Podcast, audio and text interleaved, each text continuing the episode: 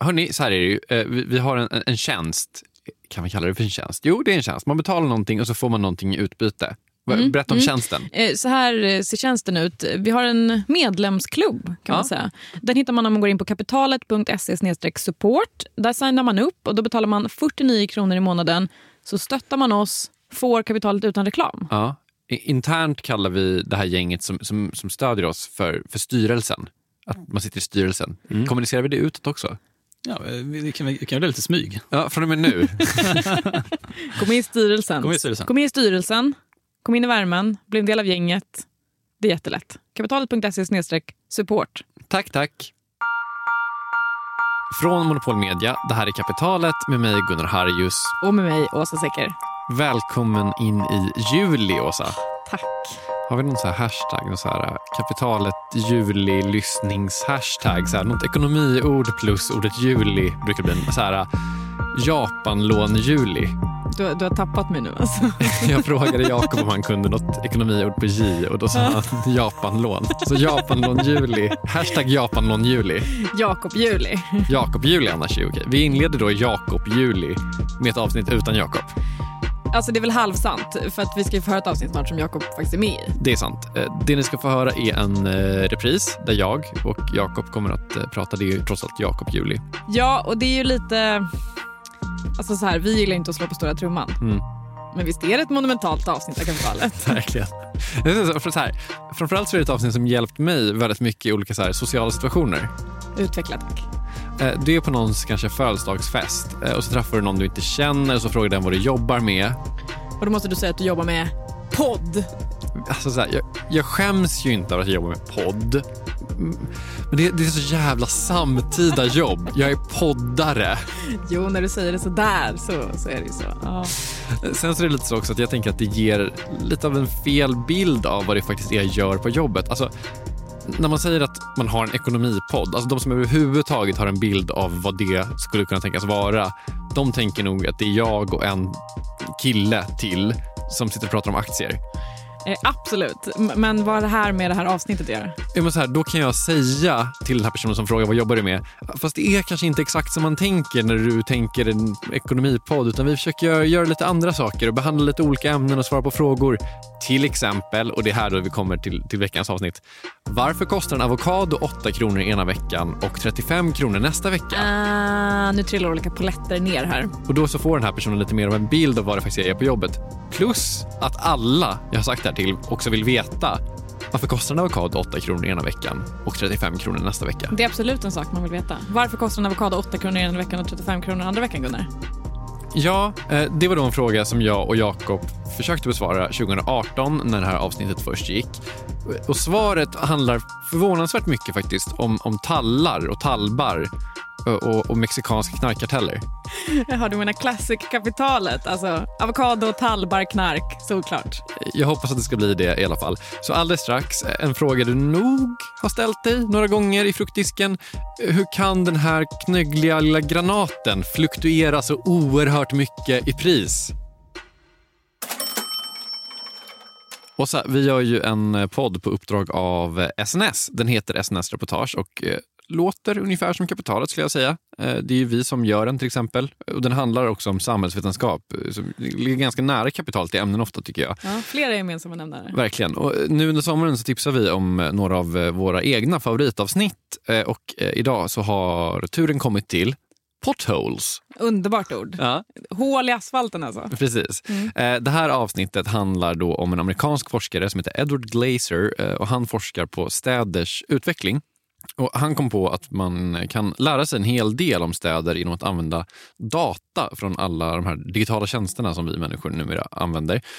I ett sånt här projekt så använder han data från Uber för att mäta hur eh, förekomsten av hål i vägarna, alltså då potholes eh, på engelska, hur liksom utvecklingen ser ut. Eller hur ser det ut i olika stadsdelar, olika städer och så kollar de på liksom samhällsutvecklingen och ekonomiska utvecklingen och jämför med då antalet potholes. Alltså hur gropiga vägarna är. Hur gropiga vägarna är. Och då kan liksom kolla, ja, precis, och det är ganska svårt att här, gå ut och räkna hål i vägarna. Men, men då finns det då det här taxibolaget som då liksom har data på allting och ser exakt hur olika taxibilar måste åka långsamt på vissa sträckor och sånt där för att det är potholes. Hur som helst, superspännande forskning. Podden heter SNS Reportage. Eh, Det här specifika avsnittet publicerades i november 2019 och heter eh, Uber vetenskapen en perfekt match. Tusen tack till SNS. Tack.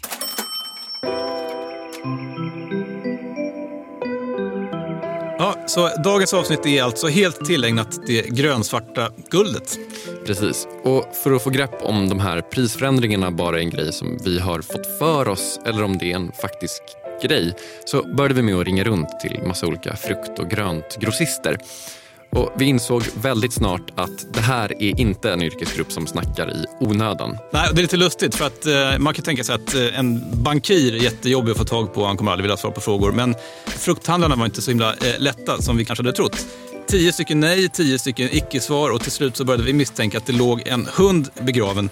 Tills vi fick tag i Peter Larsson på Årsta partihallar som sa absolut, klart jag kan snacka. Så jag kastade mig på tvärbanan för jag tänkte att en sån här chans får man bara en gång i livet. Och jag åkte till Årsta industriområde. Jag gick genom en dörr som jag trodde skulle vara låst och sen gick jag genom en nedsläckt korridor. Jag fick ha ficklampan på mobilen på. Och sen till slut, i slutet av den här korridoren då, så är det en dörr till som inte heller borde varit öppen, säger Peter i efterhand. Och sen, sen får jag träffa Peter. Hej. Hej Peter. Hej, Var det vi som pratar på telefon? Jajamän. Vad härligt.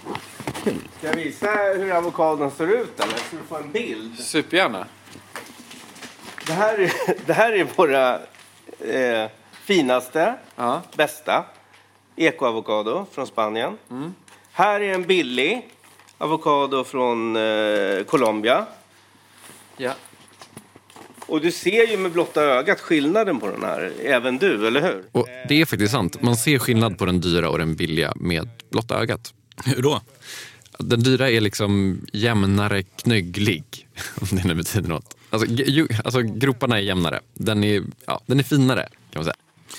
Och Peter menar att den här typen av avokado, alltså den dyra, den har alltid varit dyr. Men den billiga, den har varit billigare. Jag för mig att vi köpte de här för runt fem, fem kronor styck. 4,50 kronor och nu kostar de sju- 6,50 kronor. Så det är väl, vad blir det? 20 procent mer ungefär. Ja, det här är lite beroende på hur man räknar och lite beroende på dagssiffrorna. Men om vi säger att den har stigit från 4,50 till 7 kronor så är prisökningen ungefär 55 procent på de senaste två åren. Och det är ju supermycket. Och den här prisökningen, det är ju ingenting som bara känns när man står på ICA och ska hem och göra en guacamole, utan det har faktiskt en påverkan på stora företag. Inte så konstigt kanske. Eh, Calavo Growers är ett nästan hundraårigt eh, frukt och gröntföretag som till stor del, större än andra grönsaksföretag, eh, vad vi förstår, handlar med just avokado. De är noterade på Nasdaq-börsen och har stigit med 60 procent det senaste året. Mycket tack vare de stigande avokadopriserna, menar en del. Och ett annat exempel det är den amerikanska Tex-Mex-jätten Chipotle vars kurs störtdök för ungefär ett år sedan efter att företaget vinstvarnade. Och anledningen till det? Jo, And frankly, uh, the, the, the source of the miss was higher avocado prices. I think Ja, det där kanske inte är hela sanningen. Eh, Chipotle hade andra problem det där kvartalet. Men man tror i alla fall att avokadopriserna har en, eh, ja, en riktig påverkan på aktiekursen. och då måste man ju då ställa sig en fråga. Varför stiger avokadopriserna? Det går mycket avokado, alla tycker om avokado. Det verkar modernt att äta avokado, alla tycker om avokado. Och det, det gäller inte bara i Sverige. Så vad Peter Larsson säger är att efterfrågan är hög just nu och det är sant. Vi är mitt i en avokadotrend som många menar är en del av en större hälsotrend där avokado har blivit en nyttighetsprodukt. I hela världen öppnar det just nu avokadorestauranger. Och för något år sedan så var avokadomackor så populärt att Tim Gurner, som är någon slags australiensisk fastighetsmogul, Typ eh, Australiens Donald Trump. typ, fast kanske lite yngre och med en högre panna. Han i alla fall, han tyckte att eh, 20-30-åringar som inte hade ett hus, de får skylla sig själva för att de åt för mycket avokado. So you think that young people have now got the prospect of never owning a home Absolutely, when you're spending $40 a day on smashed avocado and coffee. Ja, det här är såklart lite fånigt sagt och i sin tur så ledde det här till lite löjliga jämförelser. BBC räknade ut att man var tvungen att lägga undan pengar från 25 000 avokadomackor för att ha råd med insatsen till en lägenhet i London. Poängen i alla fall, det är att avokado är poppis. Och efterfrågan är superhög och bara för att ni inte ska tro att det är någonting som jag har hittat på så frågade jag en expert om avokado är speciellt. Är avokado speciellt på något sätt? Eh, avokado är ju speciellt på så sätt att de sista åren så har ju avokado, efterfrågan på avokado ökat otroligt mycket på världsmarknaden pratar nu. Ja, det här är då Jonas Andersson som är chef för frukt och grönt på, håll i er, hela ICA. Och han tänker ofta på avokado. Just avokado, jag tänker väl kanske som, som artikel så kanske avokado kommer upp lite oftare. Men jag är klart, jag ligger inte sömnlös om nätterna på grund av avokado, det gör jag inte. Okej, ganska ofta i alla fall. Han tänker på det oftare än han tänker på ananas. Absolut gör jag det. Ananas är betydligt enklare kanske. Och anledningen är alltså att efterfrågan på avokado är stor nu och har varit det länge. Och det är ibland svårt för personer som Jonas att få tag på avokado till att börja med. Och det här gäller såklart inte bara för ICA utan det gäller för personer som Peter Larsson i Årsta också. Men tillgången på bra avokado har varit lite ojämn alltså. Nu har vi hittat en bra leverantör här i Spanien som vi kör av. Och vi säljer, vi säljer ungefär en sån här pall i veckan härifrån bara. Det är en av de viktigare produkterna vi har. Att de är bra. Men om efterfrågan nu har växt så här mycket, varför växer inte utbudet? Vad har egentligen hänt på avokadomarknaden efter det här? Vi skulle vilja ta tillfället i akt och tacka Tessin Mm. som ju är en eh, investeringsplattform för de som vill investera i fastighetsprojekt. Ja, eh, en sak som vi brukar säga i de här annonserna det är typ så här, åh, genom Tessin kan man investera i fastighetsprojekt, få avkastning, det här, alla de här sakerna är, är sanna, och sen se hur saker faktiskt byggs. Och jag tänker att vi ska ta vara på det här sista, liksom vad som faktiskt byggs. Jag har kollat på lite trevliga fastigheter som finns tack vare Tessin. Nu i månaderna till exempel, i augusti, så ska eh, tio stycken parhus stå färdiga i Arboga. Detta tack vare Tessin och alla som investerar i det med 3 miljoner eh, med en förväntad avkastning på 10 procent. Ska säga. Så de gjorde det inte bara för goodwill. Häftigt. Ja. Eh, Man skulle kunna säga så här, utan Tessin så hade 20 familjer haft betydligt svårare att hitta ett härligt parhus att bo i i Arboga. Verkligen. Eh, som vi brukar säga här på Kapitalet, Tessin bygger landet. Tack till Tessin. Tessin.se kan man gå in på om man vill se vad de har på gång härnäst. Tack! Okej, så efterfrågan på avokado är större än någonsin. Det här märker Peter Larsson i Årsta och det märker Jonas Andersson på ICAs huvudkontor i Helsingborg. Men frågan är ju då, varför växer inte utbudet? För att få svar på den här frågan så beger jag mig till Handelshögskolan. Eh, det blir, jag vet inte, vi brukar köpa nog så här ett nät i veckan kanske. Så, att, så brukar man tyvärr få slänga en del för de är dåliga. Men uh, så säg att jag käkar två avokados i veckan. Den här avokadodyrkaren heter Rickard Friberg och är professor i nationalekonomi med inriktning mikroekonomi. Han vet hur det här med utbud och efterfrågan fungerar. Antar att, att vi tittar på efterfrågan för tallbar. Att, att tall, tallbarrste är jättepoppis. Nu har vi en gigantisk efterfrågechock här att folk vill ha tallbarrste. Då kan man tänka sig att det är väldigt lätt att öka den kvantiteten. Det är en massa folk i Sverige som går ut och kanske kommer i konflikt med allemansrätten, vad vet jag. Men, men många går ut och plockar tallbar. Det är väldigt lätt att öka de kvantiteterna. Uh, vilket gör att, att eh, ja, du kan öka kvantiteter utan att priset drivs upp speciellt mycket. I en idealvärld så är ju alla produkter som just tallbar. Eh, Om efterfrågan stiger så ser man till att eh, utbudet ökar. Så är det med tallbar förstås, men surprise så är det inte med avokado. Nej, för även om avokado, precis som tallbar, då, växer på träd, bokstavligen, så är det inte bara att gå och hämta dem hur som helst. Det tar lång tid för ett avokadoträd att börja ge frukt. Ett, ett, träd det tar ju tre år innan det bär frukt så det är inte bara det att man sätter en ny, lite mer ena året utan man, man får ju plantera nya träd och sen tar det tre år innan det kommer ny frukt. Så att efterfrågan har, eller tillgången har ju släpat i förhållande till efterfrågan under flera år.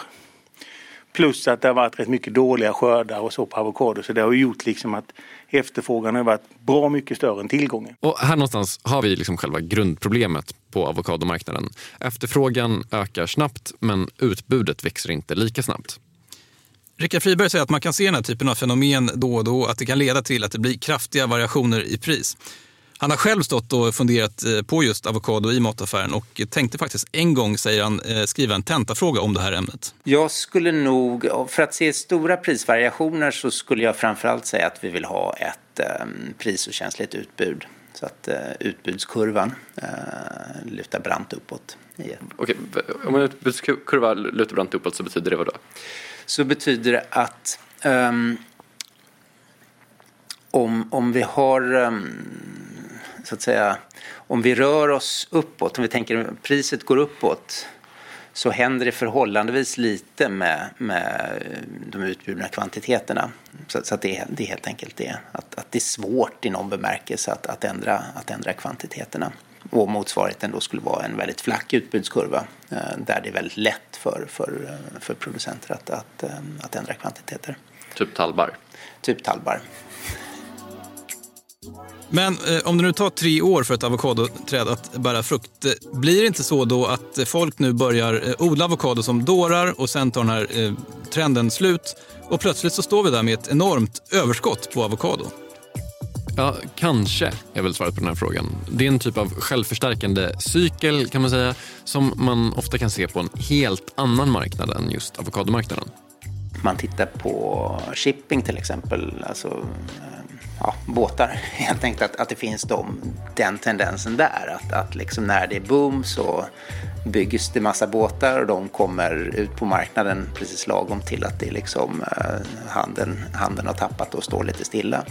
Eh, och att det liksom skapar någon slags självförstärkande cykler. Men eh, så här behöver det faktiskt inte bli i just det här fallet. Eh, det finns nämligen flera saker som talar för att oavsett om den här hälsotrenden håller i sig eller inte så kommer det kanske inte bli jämvikt i utbud och efterfrågan på marknaden ändå. Eh, det, är ju en rätt så spännande situation om man tittar på hela världsmarknaden idag. Så, så, kan man ju konstatera att det finns ju vissa regioner som växer väldigt fort. Eh, Asien, Kina är en sån.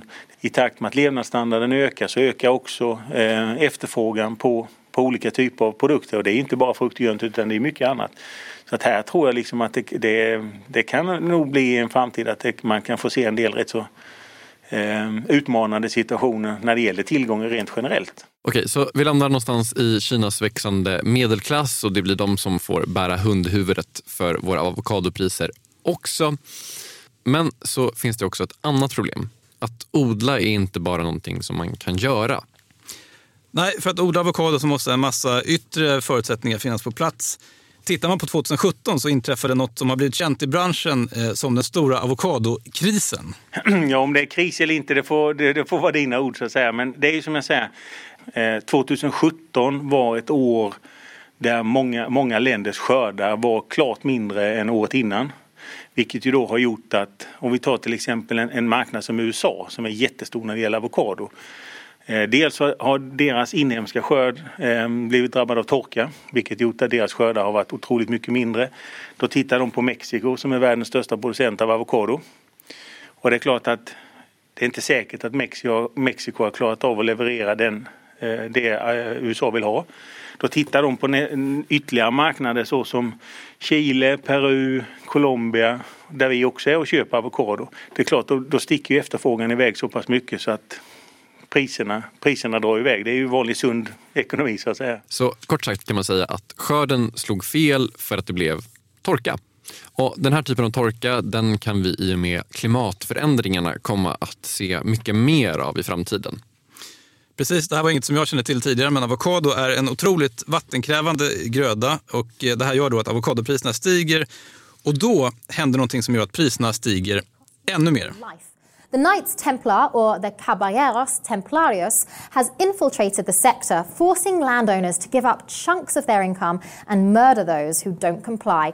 Blood guacamole is the term on the Mexican street. Ja, med andra ord så har avokado blivit otroligt lukrativt i Mexiko.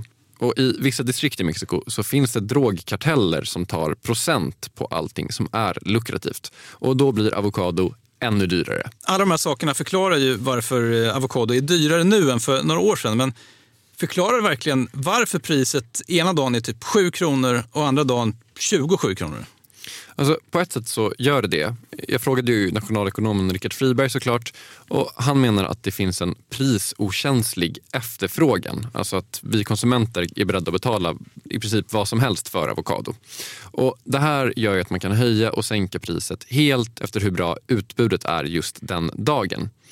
Och Det är såklart en förklaring och en väldigt stor del i att avokadopriserna fluktuerar så kraftigt. Men så ställer Richard Friberg också en eh, fråga. Varför är så många avokados dåliga? Det är det som man skulle vilja veta.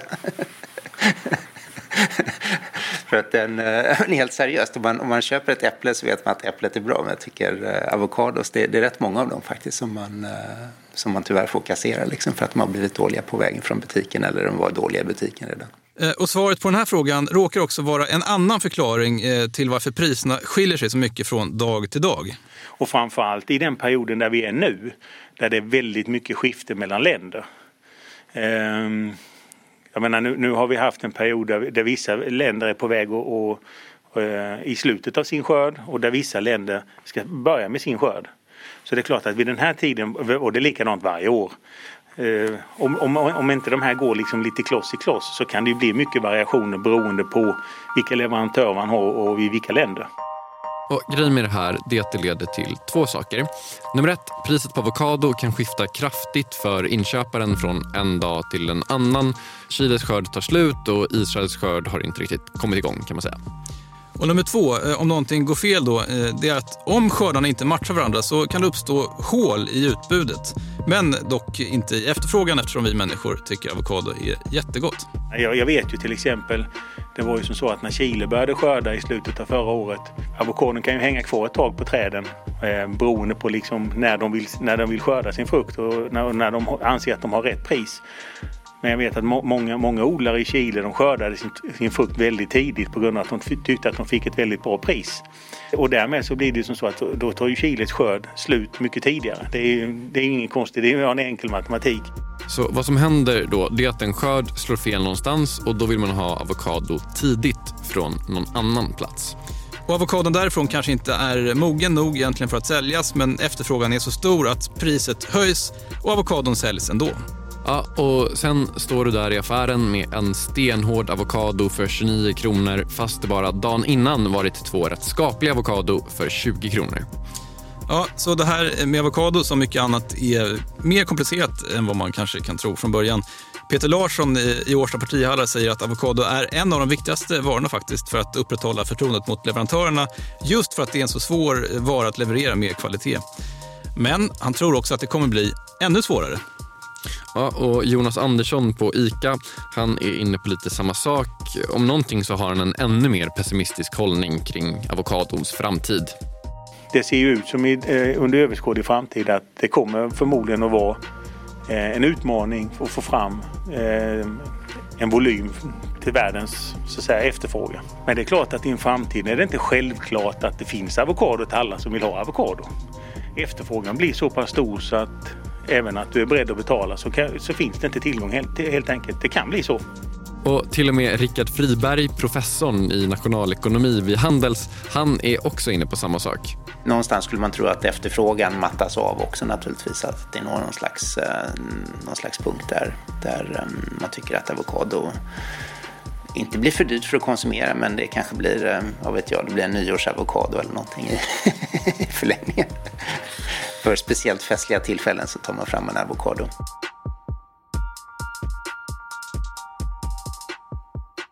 En lite mysig trip down memory lane med andra ord. Eh, men det här som det spekuleras om i slutet, att avokado ska bli en sån grej som är så dyr så att man får äta den ibland. Typ som nyårsavokado, liksom, man unnar sig. Alltså dit har vi inte kommit än. Nej, inte riktigt. Eh, däremot så har eh, coviden corona, covid-19, gjort att avokadopriserna har stigit ytterligare 60 procent den här våren. Detta eftersom avokadobönderna i Mexiko drog ner på produktionen lite grann för att de förväntade sig ett dropp i efterfrågan. Men så blev det istället en ökad efterfrågan på avokado under coviden. Por qué? Avokado är dyrt och folk vill inte ha dyr mat just nu. Nej, det, det, är svårt att veta varför folk konsumerar mer avokado än någonsin. Alltså det finns så spekulationer kring att det är någon slags så här hälsotrend, att man är så här, åh nu är lockdown, nytt nytt liv, nytt jag, dags att bli hälsosam eller någonting. Yoga, bananbröd, avokado. Done. Ja men typ. Och, så här, och avokado är ju någon slags så här symbol för hälsosam mat. Och att, ja, det har i alla fall stigit efterfrågan. Ingenting kan stoppa avokadons övertagande av världen, inte ens ett virus. Nej, eh, en av de största frukttankesmedjorna, jo, det finns faktiskt såna, eh, tror att eh, avokadomarknaden kommer att omsätta eh, nästan 22 miljarder dollar 2026. What? Ja, det är så sjukt mycket. Förra året omsatte den knappt 20 så, säga, så vi, vi är typ där. Vad den här växande marknaden, om den nu blir liksom ändå ganska mycket större, vad den kommer göra med de fluktuerande priserna, det spekulerar de däremot inte om. Så vi får liksom se var vi hamnar. Om det blir nyårsavokado eller om liksom marknaden växer så mycket att, att avokado bara blir total vardag för alla. Den som lever får se. Ja. Och med det så är kapitalet slut. Det här avsnittet som sändes ut första gången 2018 var gjort av dig, Gunnar Harjus, Mm. och av Jakob Bursell. Jag heter Rosa Secker, Kristoffer Krook har mixat och gjort låten som ni hör just precis nu. På Instagram heter vi Kapitalet. Gå gärna in på kapitalet.se support. Då blir vi jätteglada. Hej då! Hej då!